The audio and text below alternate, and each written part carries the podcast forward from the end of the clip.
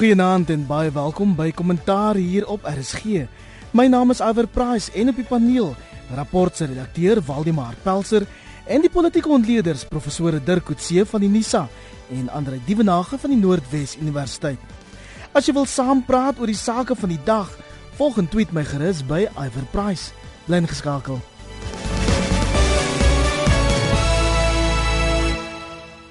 Kollegas, die verkiesing is nou oor net 3 en 'n half weke en politieke partye werp alles in die stryd om reg oor die land na stemme te vry.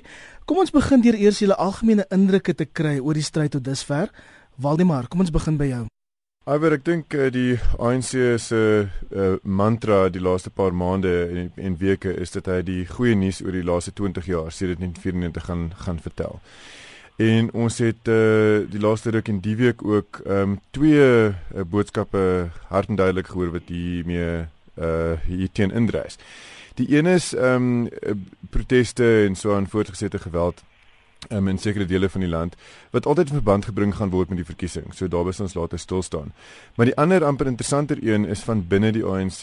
Ronnie Casrolls, ehm um, groot strydros van die struggle teen apartheid wat hierdie week uh, gesê het hy's betrokke by 'n veldtog ehm um, wat Dinsdag afskop om ANC kiesers te oortuig om hulle stembriewe te bederf op 7 Mei om teen die ANC te stem.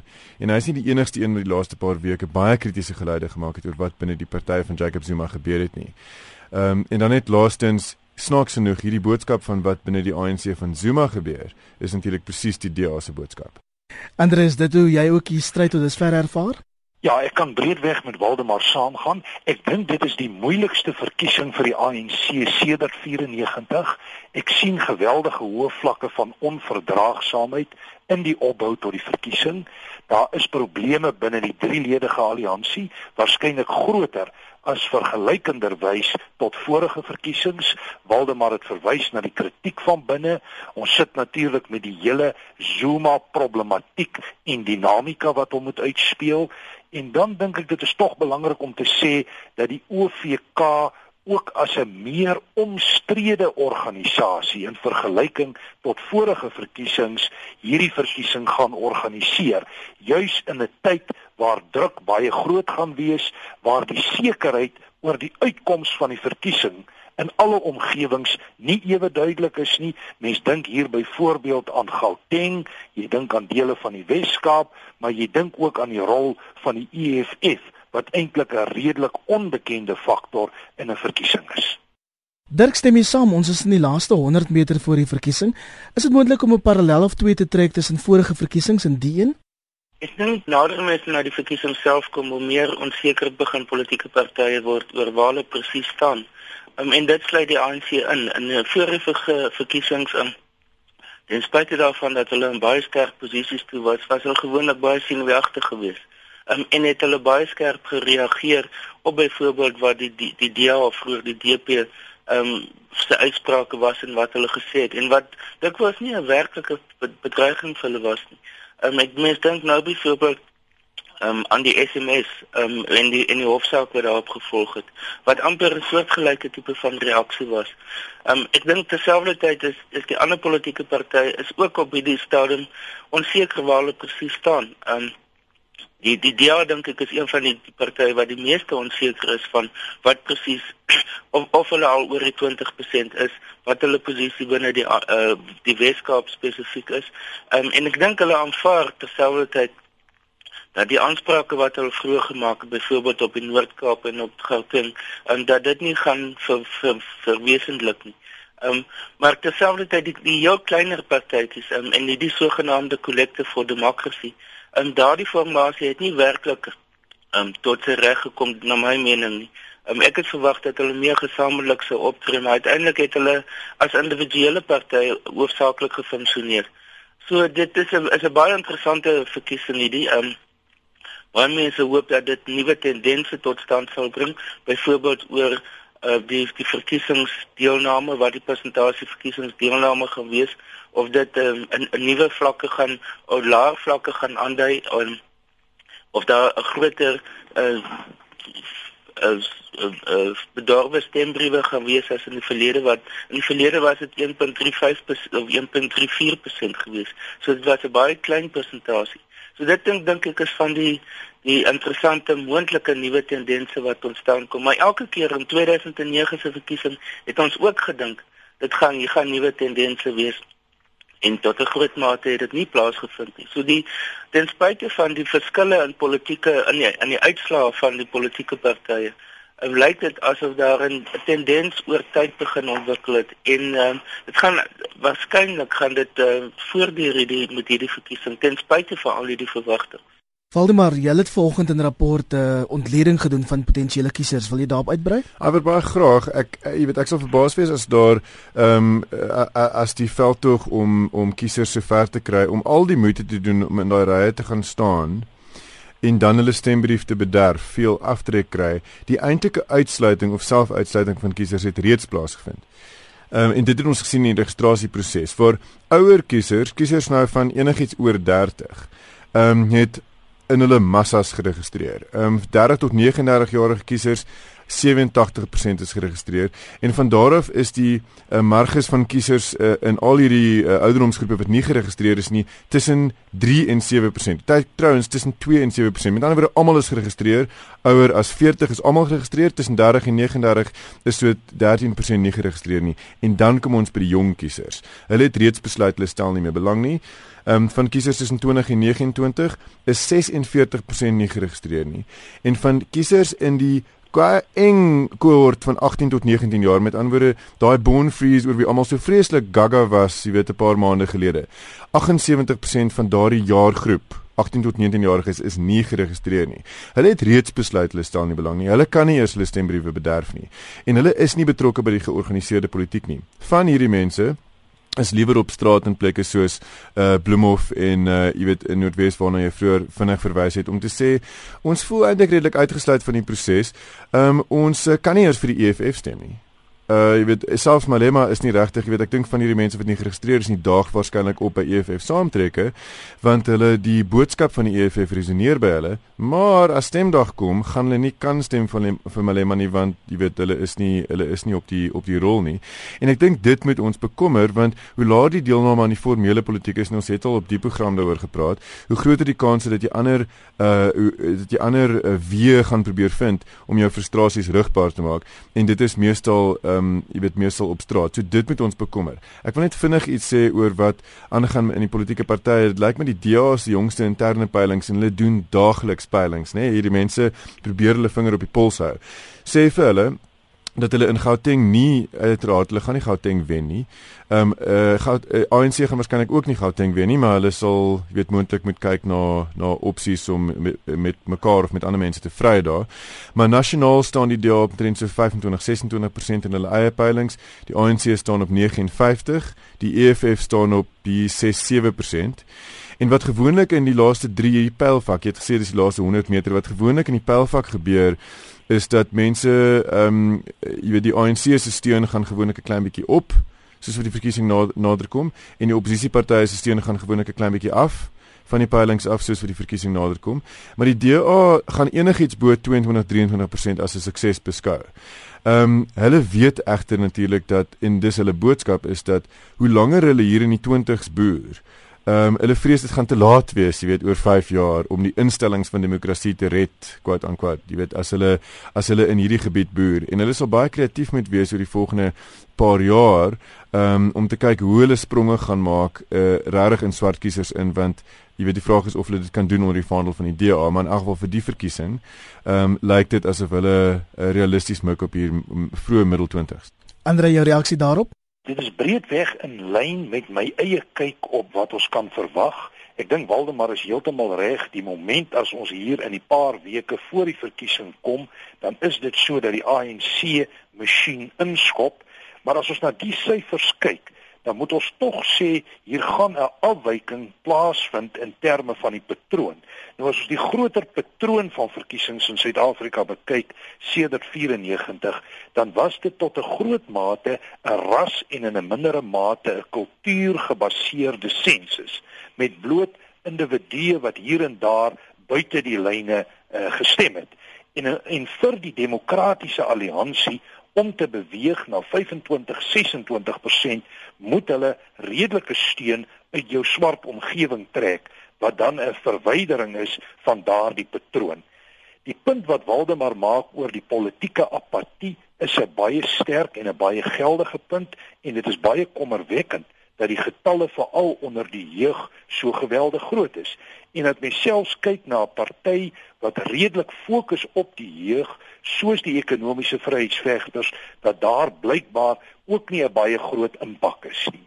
'n Derde punt wat ek dink belangrik is om te noem en Waldemar het dit ook aangeraak, is dat mense en kiesers wat nie gaan stem nie, neem tog deel aan die politieke proses en baie keer is dit 'n destruktiewe tipe politieke deelname soos ons op die oomblik in Bloemhof en omliggende gebiede sien.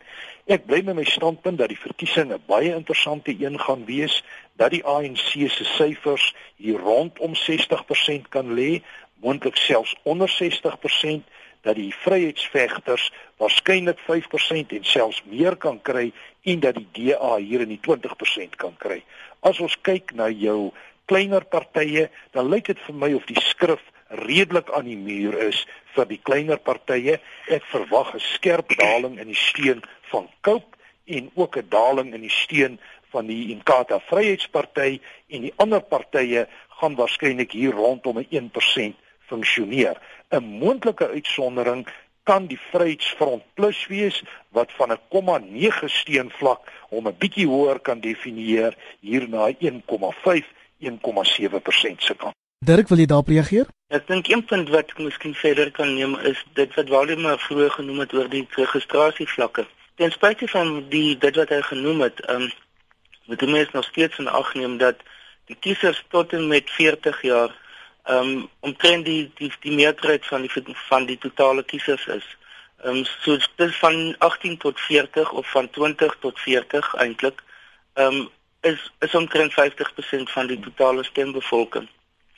So dit beteken dat ten spyte daarvan dat daar minder geregistreer is persentasie gewys binne die binne die uh, jaargroepe, ouderdomsgroepe, um, gaan hulle nog steeds van kardinale belang wees vir die uitslag van die verkiesing. So as mense dis argumenteer dat daar minder jong mense is en daarom byvoorbeeld sal die EFF um, nie so goed doen nie, dan is dink ek nie dis 'n geldige argument nie, want daar is nog steeds 'n groot klomp kiesers in daardie ouderdomsgroep wat potensieel EFF ondersteuners kan wees.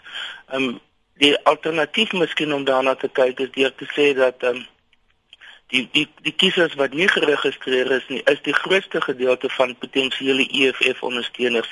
Um en daarom is daar eintlik dis 'n onderverteenwoordiging van die EFF um, of sal daar wees um, na die verkiesing in die parlement.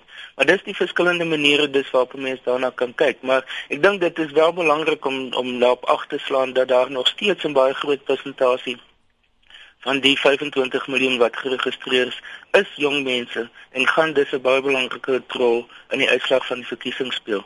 Kom ons loer gou na die voorblaaie van vanoggend se koerante. Rapport praat van 'n SAIK katnes. Die DA het hom tot Okosa die uitsaai owerheid gewend om oor die SAIK se besluit om nie meer partyadvertensies uit te saai nie, alhoewel ek nog vanoggend nog daarvan op die radio gehoor het. Die SAIK se reaksie, hy volg maar net 'n Okosa regulasie wat hom verbied om dit te doen, maar Waldimar, jou koerant koop dit duidelik nie. Ja, Iwer, ek jy weet ek dink daar's rede om baie agterdogtig te wees oor die SAIK se verduidelikings van hoekom hulle die TFF teen die donderdag uitgesaai het, ehm um, en toe onttrek het.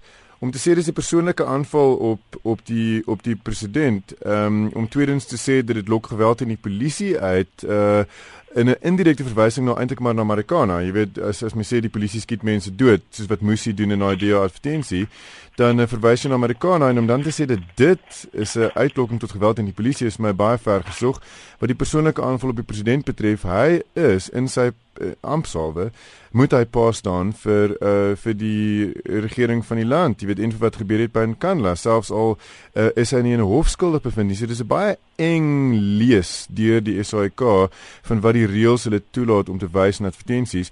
Um en as jy dit saam lees met City Press uh 'n beriggewing vandag wat ons ook het um, op rapport se voorblad oor oor uh, 'n uh, vergadering hier by die SAIK in die laaste maand of wat van personeellede wat hulle rug styf gemaak het teen inmenging teen byvoorbeeld ehm um, opdragte of versoeke dat groot skares nie by oppositie saamtrekke vertoon word op TV nie ehm um, teen opmerkings miskien van jy weet van die voorsteur van die raad ehm um, wat gesê het jy weet julle selfone word afgeluister, hê respek vir die regerende party, die Melanie Guardian het ook daarna verwys Vrydag.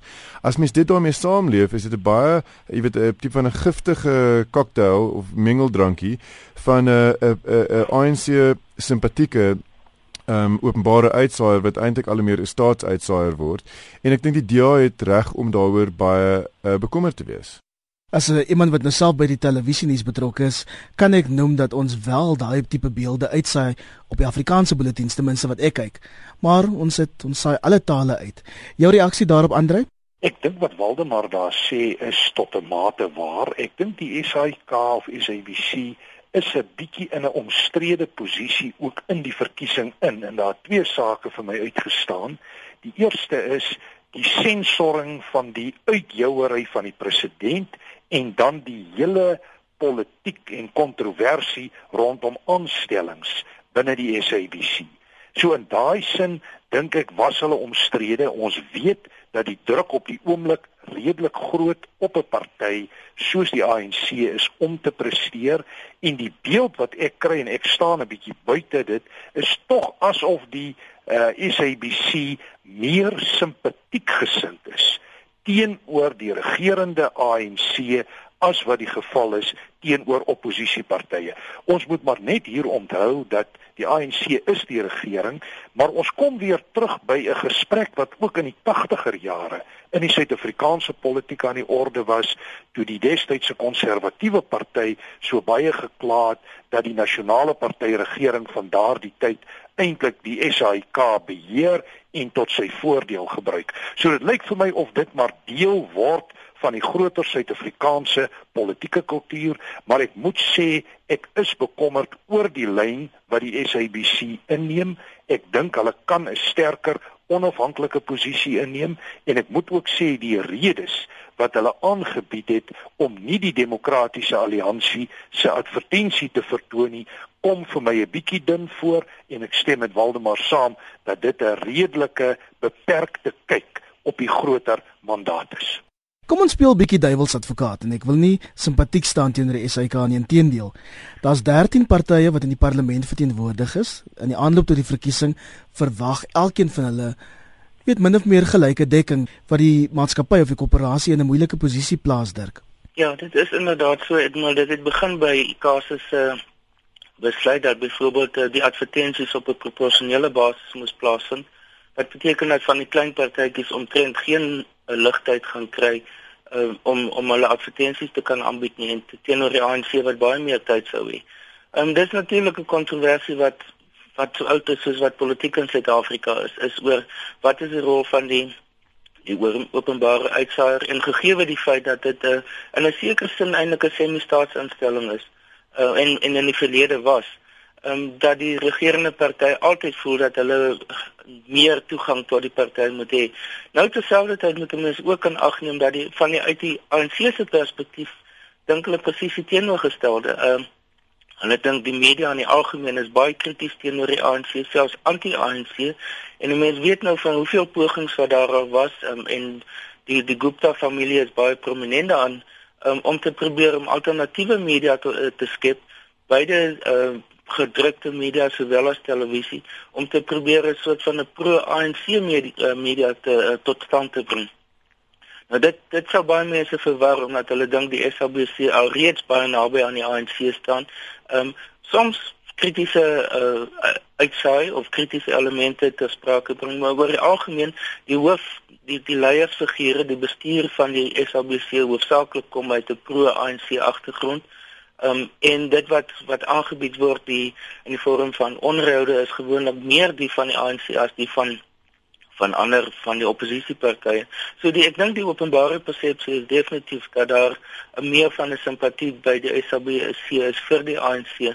Ehm um, maar dan aan die ander kant soos ek sê van die SA, van die ANC ondersteuners se kant dink hulle dat die dat die SABC heeltemal te krities teenoor die ANC is. So dit is uh, die ou probleem van afhangend van watter perspektief 'n mens daarna kyk aan gaan daar 'n sekere persepsie wees of 'n sekere besluit wees oor waar staan die SABC. Maar as dit kom by verkiesings dan natuurlik word hierdie situasie oorverhit want dan is die SABC reg in die middel van hierdie druk uh, oor na watter kant hulle toe moet akkommodeer.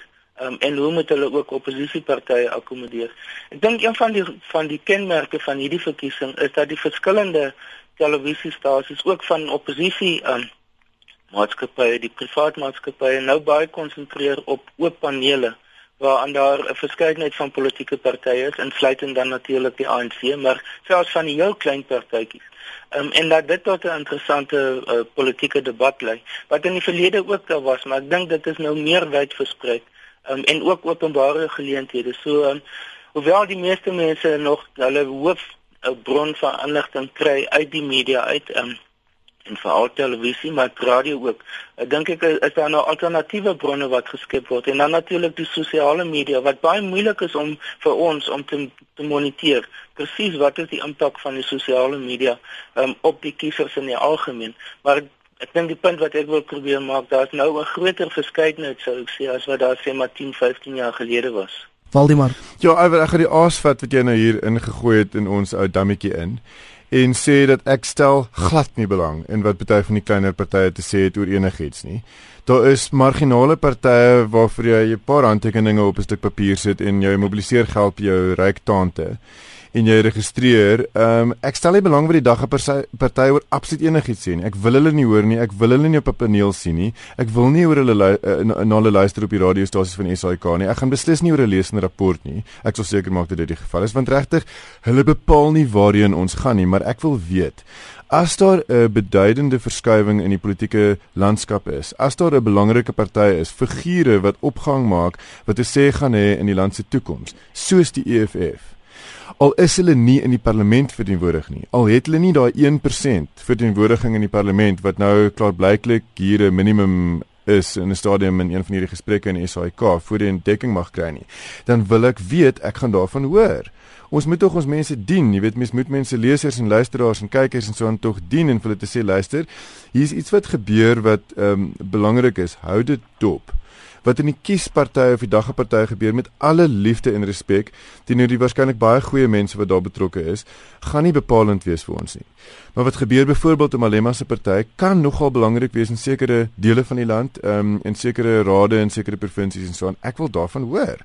En ons moet weet dat daar nie dogma intree om te sê uh jy weet dit verbode om te berig oor iets wat nuus is nie. Al wat ja, almal eintlik wil hê is wees vry om die nuus te rapporteer. Moenie gedwing word om dit wat nie nuus is nie te rapporteer nie, maar wees vry om die nuus te rapporteer dis al.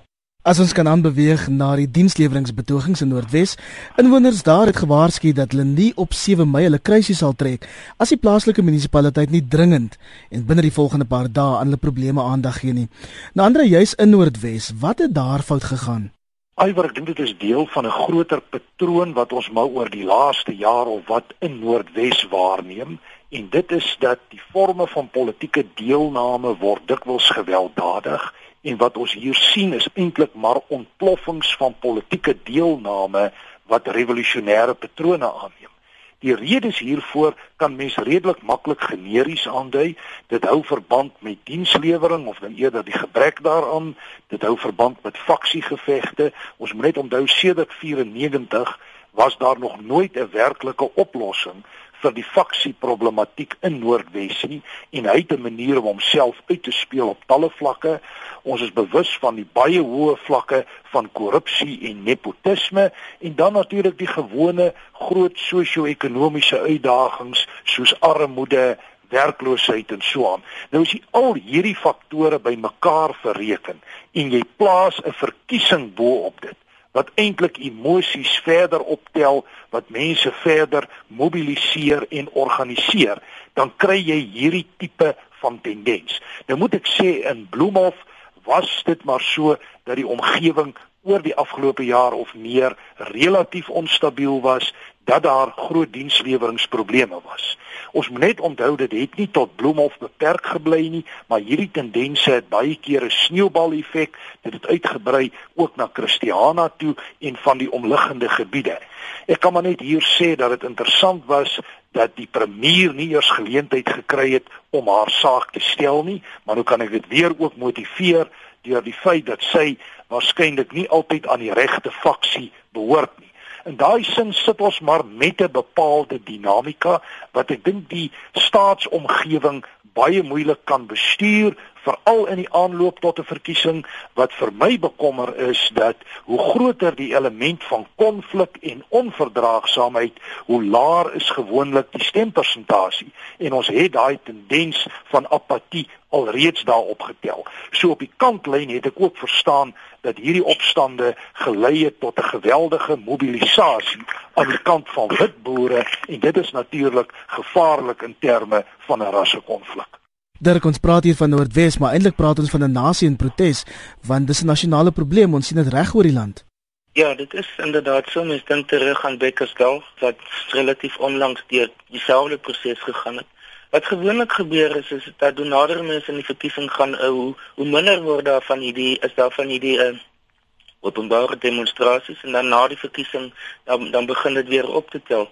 Ehm um, dit lyk vir my en dit is hoofsaaklik gebaseer op op media verslae dat daar dieselfde tendens op die oomblik plaasvind. Dit uh, dat daar is hierdie groot uh, punte van van van konflik soos Bloemhof of uh, in die verlede Bekkersdal, maar dat as mens kyk na die skaal daarvan oor die land spesifiek en dan spesifiek in die provinsies van die Wes-Kaap en Gauteng want dit is die brandpunte vir hierdie tipe van demonstrasies dat dit op hierdie stadium effens minder is as in die verlede. Maar soos ek gesê het ek dink dit is as gevolg van die feit dat daar dat die verkiesing nou of dat die verkiesingsveld tog besig is om plaas te vind daar's meer prominente figure van die verskillende politieke partye wat na kleiner plekke toe gaan. Hulle kry dit hulle voel dat hulle meer aandag kry van die besluitnemers as wat daar in die verlede die geval was. Ehm um, en dat dus daar daar minder motivering vir hierdie tipe van demonstrasies is. Want dit is ek dink al van tevore op hierdie program is daarna verwys is dat die mens moet dit sien nie as geweld ter wille van geweld nie, maar eerder of demonstrasies net vir die vir die saak van demonstrasies nie, maar dat dit 'n vorm van politieke deelname is, dat dit 'n politieke boodskap probeer deurbring, 'n alternatief skep vir die konvensionele forme van politieke deelname en dat dit probeer om te verseker dat daar op 'n hoër vlak aandag gegee word aan plaaslike probleme. En ek dink dit is waarskynlik wat in die geval van Bloemhof waar hulle voel dat hulle nie genoeg aandag kry in hierdie op hierdie stadium van die die leiers van die verskillende politieke partye nie. En dan soos Andre gesê, dit is baie bekend dat die Noordwes provinsie dat daar faksies ook binne die ANC is.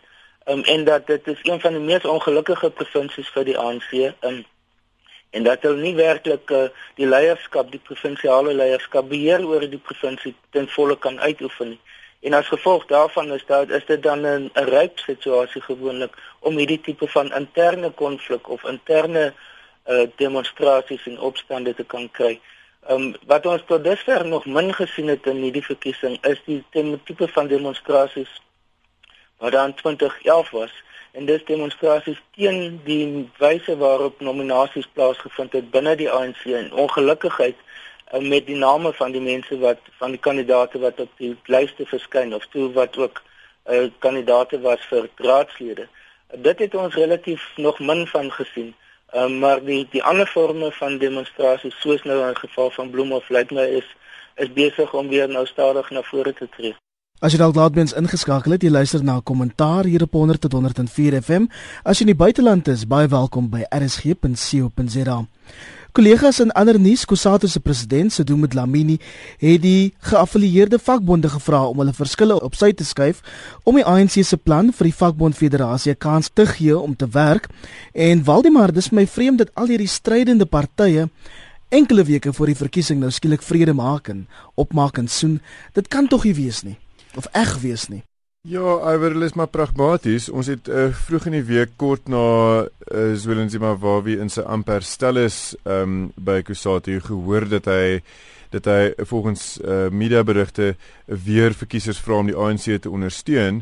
Um, Irvin Jim van Numsa het toe 'n paar harde woorde laat val en die twee toe klaar blyklik nou laat in die week met mekaar vergader en toe op die volgende strategie besluit.